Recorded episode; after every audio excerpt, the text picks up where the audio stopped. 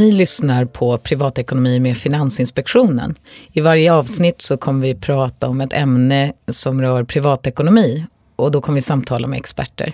Just idag så ska vi prata om familjerätt, eller juridiken i vardagen kan man säga. Så vi har bjudit hit Susanne Eliasson från SE-banken som ska prata med mig. Och jag heter Kristina Althoff och jobbar med finansiell folkbildning på Finansinspektionen. Välkommen Susanne! Tack snälla! Du Susanne, låt oss kasta oss rakt in. Det här med vardagsjuridik eller familjejuridiska utmaningar. Är det inte så egentligen att de börjar samtidigt som jag bestämmer att jag ska flytta hemifrån? Ja, ska man flytta ihop med någon så är det absolut så. Det är det, ju. det är det första man tänker på. Och man kan väl säga det, det här att vara, ja, att flytta tillsammans och flytta hemifrån och sådär. Då är det ju första gången när man då bildar ett par med någon. Det är det som rubriceras som sambo. Så om jag bildar ett par med någon, är det, jag tänker om jag flyttar hemifrån, kan den här personen vara vilken, är det vilken parkonstellation som helst då? Du och jag flyttar ihop till exempel? Nej, inte som kompisar utan det handlar ju om att man ska ha någon typ av kärlek, kärleksrelation med varandra. Så det är det man handlar om, att man flyttar ihop, man skapar en gemensam, liksom, ett äktenskapsliknande förhållande helt enkelt. Eh, och vad, vad gäller då, då? Du och jag flyttar ihop, eh, äktenskapsliknande förhållanden. Jag är upptagen, du också just nu, vi kan ju vara tydliga med det. Men om vi skulle göra det, vad, vad måste jag tänka på när jag flyttar ihop med dig? Ja, för det första så är det ju det att många har ju, när man flyttar ihop och blir sambo eller om man ska gifta sig så är det otroligt många som inte har koll på de olika samlevnadsformerna och vilka regel, regler som gäller med dem. Eh, det är ju så att när man blir sambo då är det ett regelsystem som heter sambolagen. Eh, den har inte lika stor trygghet som när man gifter sig. Den har en mycket större trygghet. Så att det, det gäller ju att känna till skillnaden mellan de här. Men vi börjar med det första som jag mm. tänker att du och jag kanske gör. Förr i tiden kanske det var så att eh, man gifte sig innan man flyttade ihop. Men nu kan man tänka sig att det är vanligare att flytta ihop före man gifter sig helt enkelt. Ja, för unga människor som det, ja det kan ju vara även äldre människor som flyttar ihop som har separerat eller blir sambo. Men det är oftast det man tänker på, det är unga människor som flyttar ihop. Eh, och då är det ju så att sambolagens regler det omfattar ju bara den gemensamma bostaden som man skaffar. Och eh, gemensam bostad och gemensam bohag för gemensamt behov helt enkelt. Som man skaffar tillsammans. Så om jag flyttar in till dig och du redan äger en bostad då är, blir inte det samboegendom. Och varför pratar man om samboegendom? Jo, det är ju det för att när man sen, det är oftast först när man separerar eller om någon dör som man liksom kommer fram och ska se effekten av att man inte har koll på de här sakerna. Och då är det ju så att när man delar samboegendom, då är det bara den gemensamma bostaden och det gemensamma boendet. Så om du köper en bostad till oss som vi flyttar ihop i, Eh, då ska du och jag dela på det värdet sen när vi separerar. Ja, tanken är ju det att köper vi den för att ha den som gemensamt så spelar det ingen roll vem som äger den eller vem som så att säga har betalat den. Eh, den är ändå föremål för då bodelning, en hälftendelning. Och det är hälftendelningen det är ju egentligen man tar bostaden minus skulderna kan man säga. Den nettobehållningen som är då ska delas lika i hälften det, det, låter ju som någonting man kanske vill skydda sig emot. Ja, och då kan man säga att vet man inte om det här vad som omfattas av och då är det ju så också som sambo är det ju väldigt viktigt att tänka på faktiskt de här ekonomiska rättvisan. Vem det är som betalar och äger var så att säga. Allt annat som inte är bostad, gemensam bostad och gemensamt bohag som har anskaffats för då gemensamt bruk det är ju då inte samboegendom som ska delas. Så är det någon då som har köpt kapitalvaror och den andra har stått för mat eller eh, så och inte har kunnat spara så är ju de pengarna inte samboegendom som ska delas. Och det kan ju bli väldigt orättvist om man inte vet att det fungerar på det här sättet. Och då kan man skriva någon typ av avtal eller? Ja, vill man inte att de här bodelningsreglerna, det som kallas då för hälftendelning mm. av eh, bostaden då och eh, bohaget ska gälla, då får man skriva ett samboavtal där man faktiskt då avtalar bort den här hälftendelningen och då behåller ju var och en sitt så att säga. Men nu har vi pratat om vad man ska skydda sig för och det är ju separation. Men jag tänker det finns ju en annan väg ut ur samboskapet också som kanske inte är lika frivillig. Så vad händer, låt säga att du dör, eller jag dör, i det här sambo, eh, samboskapet. Vad gäller då? Ärver man varandra? Nej, som sambo så har man ju ingen arvsrätt och det är ju den stora skillnaden mot att vara gift egentligen som vi kommer tillbaka till sen. Så att vill man att den andra sambon ska ärva så måste man skriva ett testamente. Nu, nu skyltar jag med min okunskap, men vem ärver då? Ja, då blir det ju då antingen, säg att inte ni har några barn eller du har inga barn, den, den som dör inte har några barn. Eh, då är det ju så att det är ju dina föräldrar som ärver dig enligt den så kallade legala arvsordningen. Eh, så att då finns det inga barn så blir det föräldrarna och det är kanske inte det man vill när man är sambo. Nej, man kanske inte vill samäga med sin sambos föräldrar. Nej. Nej. Eh, och om det, är, om det är barn med i bilden, då ärver de? Då är det barnen som ärver. Man får ju sin bodelningslott när vi pratar om hälftendelningen mm. av den gemensamma bostaden och bohaget. Då, då. Men eh, sen är det då andra som ärver. Och vill man inte det, då måste man ju skriva ett testamente helt enkelt. Mm. Vi återkommer till testamentet. Vad säger du, tycker du att det känns som att vi ska prova på giftermålet?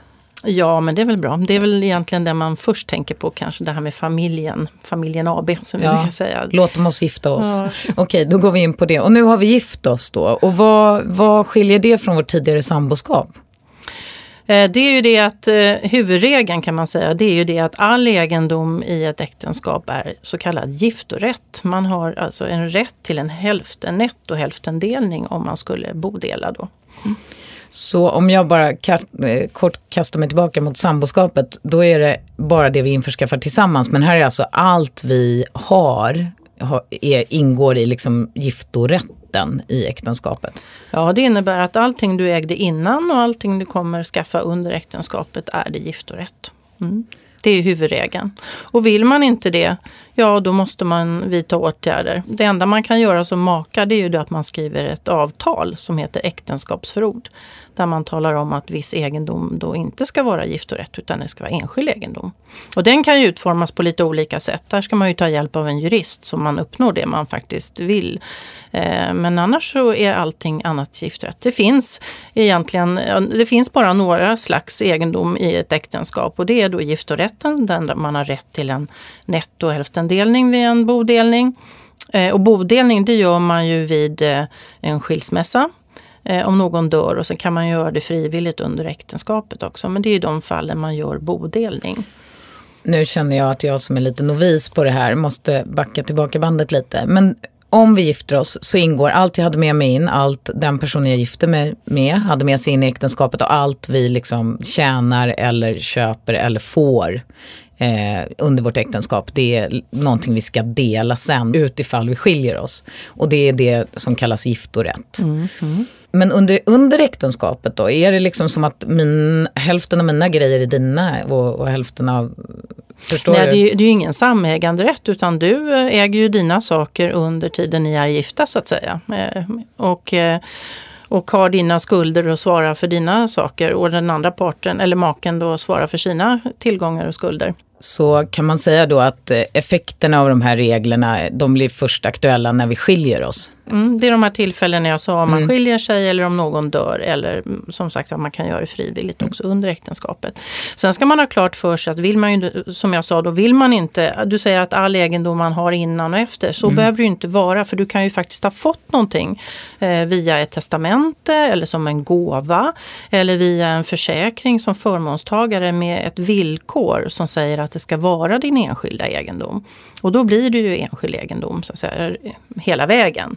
Eh, men det du själv som makar kan göra det är ju då att vill man att viss egendom inte ska vara gemensam då måste man så att säga skriva ett äktenskapsförord och göra viss egendom enskild.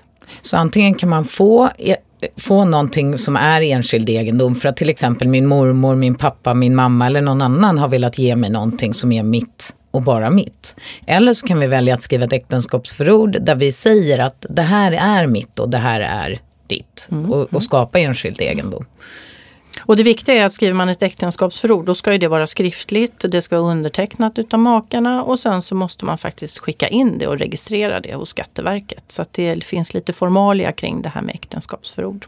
Och vill man någonting annat så kan man ju, då måste man ju skriva ett nytt äktenskapsförord. Mm. Man kan inte bara komma överens över köksbordet utan faktiskt man måste skriva ett nytt också.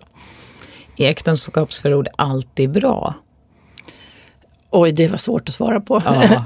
det, det är enskilda situationen eh, och hur man, vad man vill uppnå så att säga. Men visst kan det vara bra i vissa lägen, absolut. Det beror på, ja, helt enkelt. Är enskild egendom och den här giftorätten, eller är det de enda egendomstyperna som finns eller kan det finnas andra sorter? Det finns ju någonting som heter också särskild egendom eller personlig egendom. Eh, och det man främst tänker på när man säger särskild egendom det är ju då pensionsrätter. Det orangea kuvertet som man får från Pensionsmyndigheten och tjänstepensionen främst. Eh, det är ju sådana egendomar som inte ska ingå i en bodelning och det är många som har den missuppfattningen att pensioner är någonting som ska delas vid, när man skiljer sig. Så den särskilda egendomen det är ingenting man behöver skriva något äktenskapsförord om utan det är de facto, det ingår inte i giftorätten utan det ligger alltid mm. utanför. Däremot så är det ju då de här privata pensionssparandet man hade tidigare och så. Det är ju sånt som ligger, eh, som ska ingå i en bodelning. Sånt som, det är ju ett privat sparande så att säga, så det ska ingå i en bodelning. Nu har vi ju pratat om det här med när man har gift sig och att det finns särskild egendom och det finns eh, giftorätt och så kan man skriva äktenskapsförord. Om vi skiljer oss då, vad händer om vi inte har ett äktenskapsförord? Ja, det första man ska göra, så att säga, först ska man ju lämna in en ansökan om, om äktenskapsskillnad och de reglerna kring det. Men det som händer rent konkret är att har man inte någonting annat, då är ju allting giftorätt. Och då är det ju det att då gör man ju egentligen en, en förteckning över mina tillgångar och dina tillgångar. Och så drar man bort skulder och sen så får man då din nettobehållning och min nettobehållning. Då lägger man ihop den och så delar man det i två. Det är det som är bodelning låt, låt säga att vi har levt i ett äktenskap du och jag då, och så nu skiljer vi oss. Och så har jag tagit upp eh, stora lån och du har sparat mycket. Vad händer då när vi skiljer oss? Är det så att, att jag får ta del av ditt sparande till exempel? Att jag får hälften av det och du får hälften av mina lån, eller hur fungerar det? Nej, det fungerar så här att man gör ju en förteckning både på dina tillgångar och mina tillgångar och så drar man bort skulder. Skulle det vara så att du då som har stora skulder har mer skulder än tillgångar, då blir det ju noll kronor till den här då bodelningen. Mm. Eh, medan jag då har ju kanske då inga, eller väldigt lite skulder och mer tillgångar och de klart för jag ju till bodelning och då blir det ju jag som automatiskt får dela med mig till dig. Mm, det känns som en anledning till äktenskapsförord. Okej, men finns det något annat? Låt säga att vi har ett äktenskapsförord då. Vad händer då när vi skiljer oss? Nej, då är det ju då det som är enskild egendom. Det tas ju aldrig med i den här bodelningen. Eh, det gör det inte. Sen finns det någonting som heter äktenskapstrappa också för att man inte ska kunna så att säga, skilja sig till en förmögenhet. Så man kan säga under fem år, så man växer in i äktenskapet kan man säga med 20% per år. Så man, skulle man skilja sig på en gång så får man inte del. Så att säga, då jämkar man den här hälftendelningen. Så, det för finns alla där ute som sitter och funderar på att gifta sig rikt och skilja sig rikt, ni måste leva med det i fem år, är ditt budskap då? ja, åtminstone. Ja, åtminstone fem år. Okay. Om det är det som är syftet. Inte en bra väg helt mm. enkelt. Men då finns det, det finns ju en väg till ut ur äktenskapet, om vi nu inte skiljer oss, tänker jag. Och då, då är ju det döden. Mm. Så låt oss prata om döden ett slag. Mm. mm. mm. mm. Låt säga att jag inte har skrivit något testamente, vad händer? Ja, för det första så tycker jag man måste ha koll på, det spelar ingen roll om man är sambo eller gift, det är att man måste ha koll på den här då legala arvsordningen egentligen. Vem är det som ärver mig? Mm. Eh, och den första fram, om vi säger nu att vi är gifta som vi är här nu då, då. Säg att vi bara är två makar. Då är det ju så att säga den andra makan som ärver om det inte finns testamente. Eh, och sen så det ju, finns det ju olika konstellationer här. Det finns I ett äktenskap så kan man ju ha barn, gemensamma barn då, och man kan ha barn som inte är gemensamma, det som kallas för särkullbarn. Men låt oss börja med de gemensamma barnen som vi har skaffat tillsammans. Mm. Finns det bara gemensamma barn, då är det ju så att då, det, då får de barnen vänta på sitt arv och få ut arvet. För det finns en specialregel som gör då att det är den andra maken, då, den efterlevande maken, som ärver allt. Eh, sen så kan det ju vara så att det finns barn som inte är gemensamma. Eh, säg att man bara har särkullbarn. Då är det ju så att eh, vid ett dödsfall så är det ju normalt så om det inte finns något testamente att då är det ju då den, så att säga, man får sin bodelningslott som hälften Eh, och sen den andra delen då i kvarlåtenskapen, det ska ju då de här särkullbarnen ärva. Så då ärver ju inte maken, den får sin bodelningslott men inte arv. Om man inte har skrivit ett testamente. Och då gäller inte den där specialregeln? Nej, precis. Mm. Men sen kan det ju vara så att man har skrivit ett testamente och säger att då den efterlevande makan ska ärva någonting. Men då kan man så att säga inte testamentera bort hela den här så att säga, delen. Eh, arvslotten det är ju egentligen det eh, bröstarvingen har rätt till enligt då, eh, lag utav mm. sin förälder om det inte har skrivits något testamente. Då, då. Eh, men har man skrivit det så kan man skriva bort halva och då är det laglotten och den är alltid skyddad. Okej, så är man särkullbarn så kommer man få en del av arvet men kanske inte hela arvet Nej, på en gång? inte om det finns ett testamente. Nej. Mm. Och vad gäller om man är sambo? Ja, sambor de ärver ju inte varandra överhuvudtaget. Eh, och det måste man ju fundera på om man vill att sambon ska ärva den, eh, den andra. Och då kan det ju vara så i och med att det bara är bodelning av den gemensamma bostaden och den gemensamma bohaget. Eh, då är det ju det man får i bodelning. Men allt annat, besparingar och bilar och fritidshus och sådär. Det är ju sånt som ligger utanför och då har man inte skrivit testamente då blir det ju dels den andra delen av bostaden och eh, de andra tillgångarna som ärvs då utav det som arvingarna helt enkelt, de legala arvingarna. Och det finns ju en legal arvsordning i Sverige. Och det främsta är ju då att det är ju, det är ju barn och barnbarn och så vidare. Det är ju de som ärver, det är första arvsklassen. Och finns inte de, ja då blir det föräldrar eh, och syskon som ärver. Och sen finns det en tredje arvsklass som då är mormor och farmor och farfar. Kusiner ärver inte. Mm. Och vill man inte då att den här legala arvsordningen ska gälla, då måste man skriva testamente. Så om jag är en glad singel så ärver mina föräldrar? Ja, enligt den legala arvsordningen är det så. Och vill jag att det ska vara på ett annat sätt så blir det ett mm. testamente? Och där har vi ju inte den här med laglotten, att det måste, så att säga, utan det är ju bara för bröstarvingar, alltså mina barn. Mm. Jag tycker att det här med döden kokar ner till ett testamente. Absolut, det gör det. så om man tänkte sig att dö, de som tänker sig att dö, de bör då kanske söka hjälp för att skriva ett testamente. Ja, man brukar säga det att många tycker, eller allra helst där, ja men vi är gifta och vi har bara gemensamma barn så vi mm, kanske inte behöver skriva något testamente. Eh, och då kan jag ju säga att jo, de flesta bör nog skriva testamente i alla fall. För ofta så vill man ju kanske skydda det som barnen ärver i framtiden. Och då vill man lägga in villkor. Det kan ju vara de här bland annat att det ska vara barnens enskilda egendom. Och då skyddar man ju det från deras eventuella skilsmässor i framtiden. Så att eh, man säger att ja, bara för att man är gift och har gemensamma barn så innebär det inte att man inte behöver fundera över testamente. Ja, det här med döden, då har vi avhandlat det och det blev testamente. Vad, vad, är det annat man ska tänka på tycker du av det vi har samtalat med? Har du något medskick som du tycker är viktigt att ta med sig när det gäller den juridiska verkligheten vi lever i? Ja, för det första så tycker jag verkligen att man ska skaffa sig kunskap och förstå att det är skillnader på att vara gift och att vara sambo. Och sen är det ju så här, livet pågår ju och man vet ju inte, liksom, man får ju välja lite också i ett visst skede. Är man ung och ska flytta ihop och bilda en familj, ja då kanske då giftermålet är det bästa. Medan då är man eh, ung och bara ska liksom flytta ihop första gången med någon så kanske det är samboskapet som är den bästa. Man jobbar båda två, man vill på något sätt hålla sin ekonomi isär och sådär. Och då är det ju bra att vara medveten om att vilka åtgärder man ska vidta då. Eh, så att man får ju välja lite och det kan ju lika väl vara att man har skilt sig.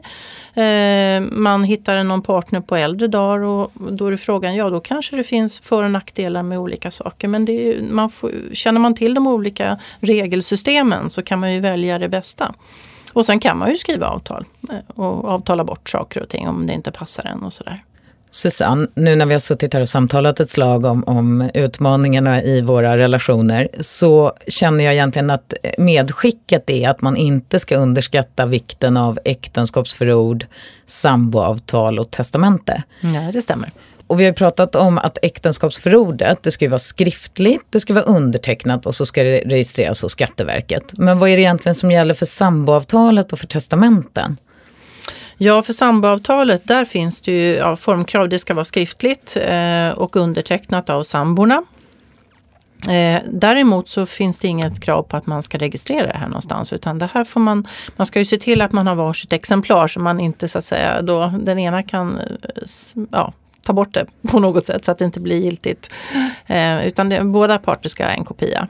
När det är testamente då finns det ju väldigt eh, utformade liksom, krav på, formkrav på för att ett testamente ska vara giltigt. Och skälet till det, det är ju det att det är väldigt svårt att så att säga, fråga den personen som har skrivit testamentet. Utan här är det ju någonting för framtiden. Och då är det att det ska vara skriftligt självklart. Eh, det ska vara undertecknat av den som då upprättar testamentet och sen ska det vara två samtidigt närvarande vittnen som också bevittnar den här namnteckningen. Då på. Så det finns väldigt eh, speciella eller ja, ja, hårda regler på hur testamentet ska vara utformat. Är det inte så, så, så gäller det inte. Ja, och då kommer ju som naturligt min nästa fråga. Är det här någonting man gör själv, äktenskapsförord, samboavtalet och testamentet? Nej, jag tycker inte det. Jag tycker man ska ta hjälp. För oftast är det mer komplicerat än vad man tror. Man, eh, man sitter och har en frågeställning framför sig som man tror att man löser. Men det finns ofta andra frågor också som man bör tänka på. Och de ser man inte som lekman utan det är därför det finns familjerättsjurister som ser de här fallgroparna så man inte hamnar i där. Det kan vara en god investering helt enkelt att träffa en familjerättsjurist. Svårt ord. Ja, och nu när vi ändå är inne på pengar och att saker kan kosta mycket mer än man har tänkt sig så ställer vi de här frågorna till alla som vi pratar med. Har du gjort någon dålig investering någon gång? Eller rättare sagt din sämsta investering är det vi är ute efter för att inte vara helt otydlig. Ja, det är väl de bilar man har ägt kanske. Bilar är ju egentligen bara konsumtion. Man köper en bil och så tappar den i värde på en gång och sen så är den inte så mycket värd på slutet. det Nej, det finns ju vissa som har mer känslor investerade i sina bilar. Men jag håller Nej, men med jag, dig där. Jag, man har glädje av den under tiden man kör den och sådär. Men eh, det är, inte, det är nog, tycker jag, den sämsta placeringen eller investeringen man gör. Och vad är din bästa investering? Har du gjort någon? Ja, ska, det finns ju annat än ekonomiska värden också. Absolut. Jag måste nog säga att det är nog vårt sommarställe tror jag. Där har vi tillbringat mycket tid med mina barn och de är också en bra investering. Eh, så att eh, mycket glädje och eh, mycket gemenskap och värme. Med det så tycker jag att vi kan avsluta vårt samtal. Det var en härlig avslutning och tack snälla Susanne för att du kom hit och pratade med oss. Tack själva.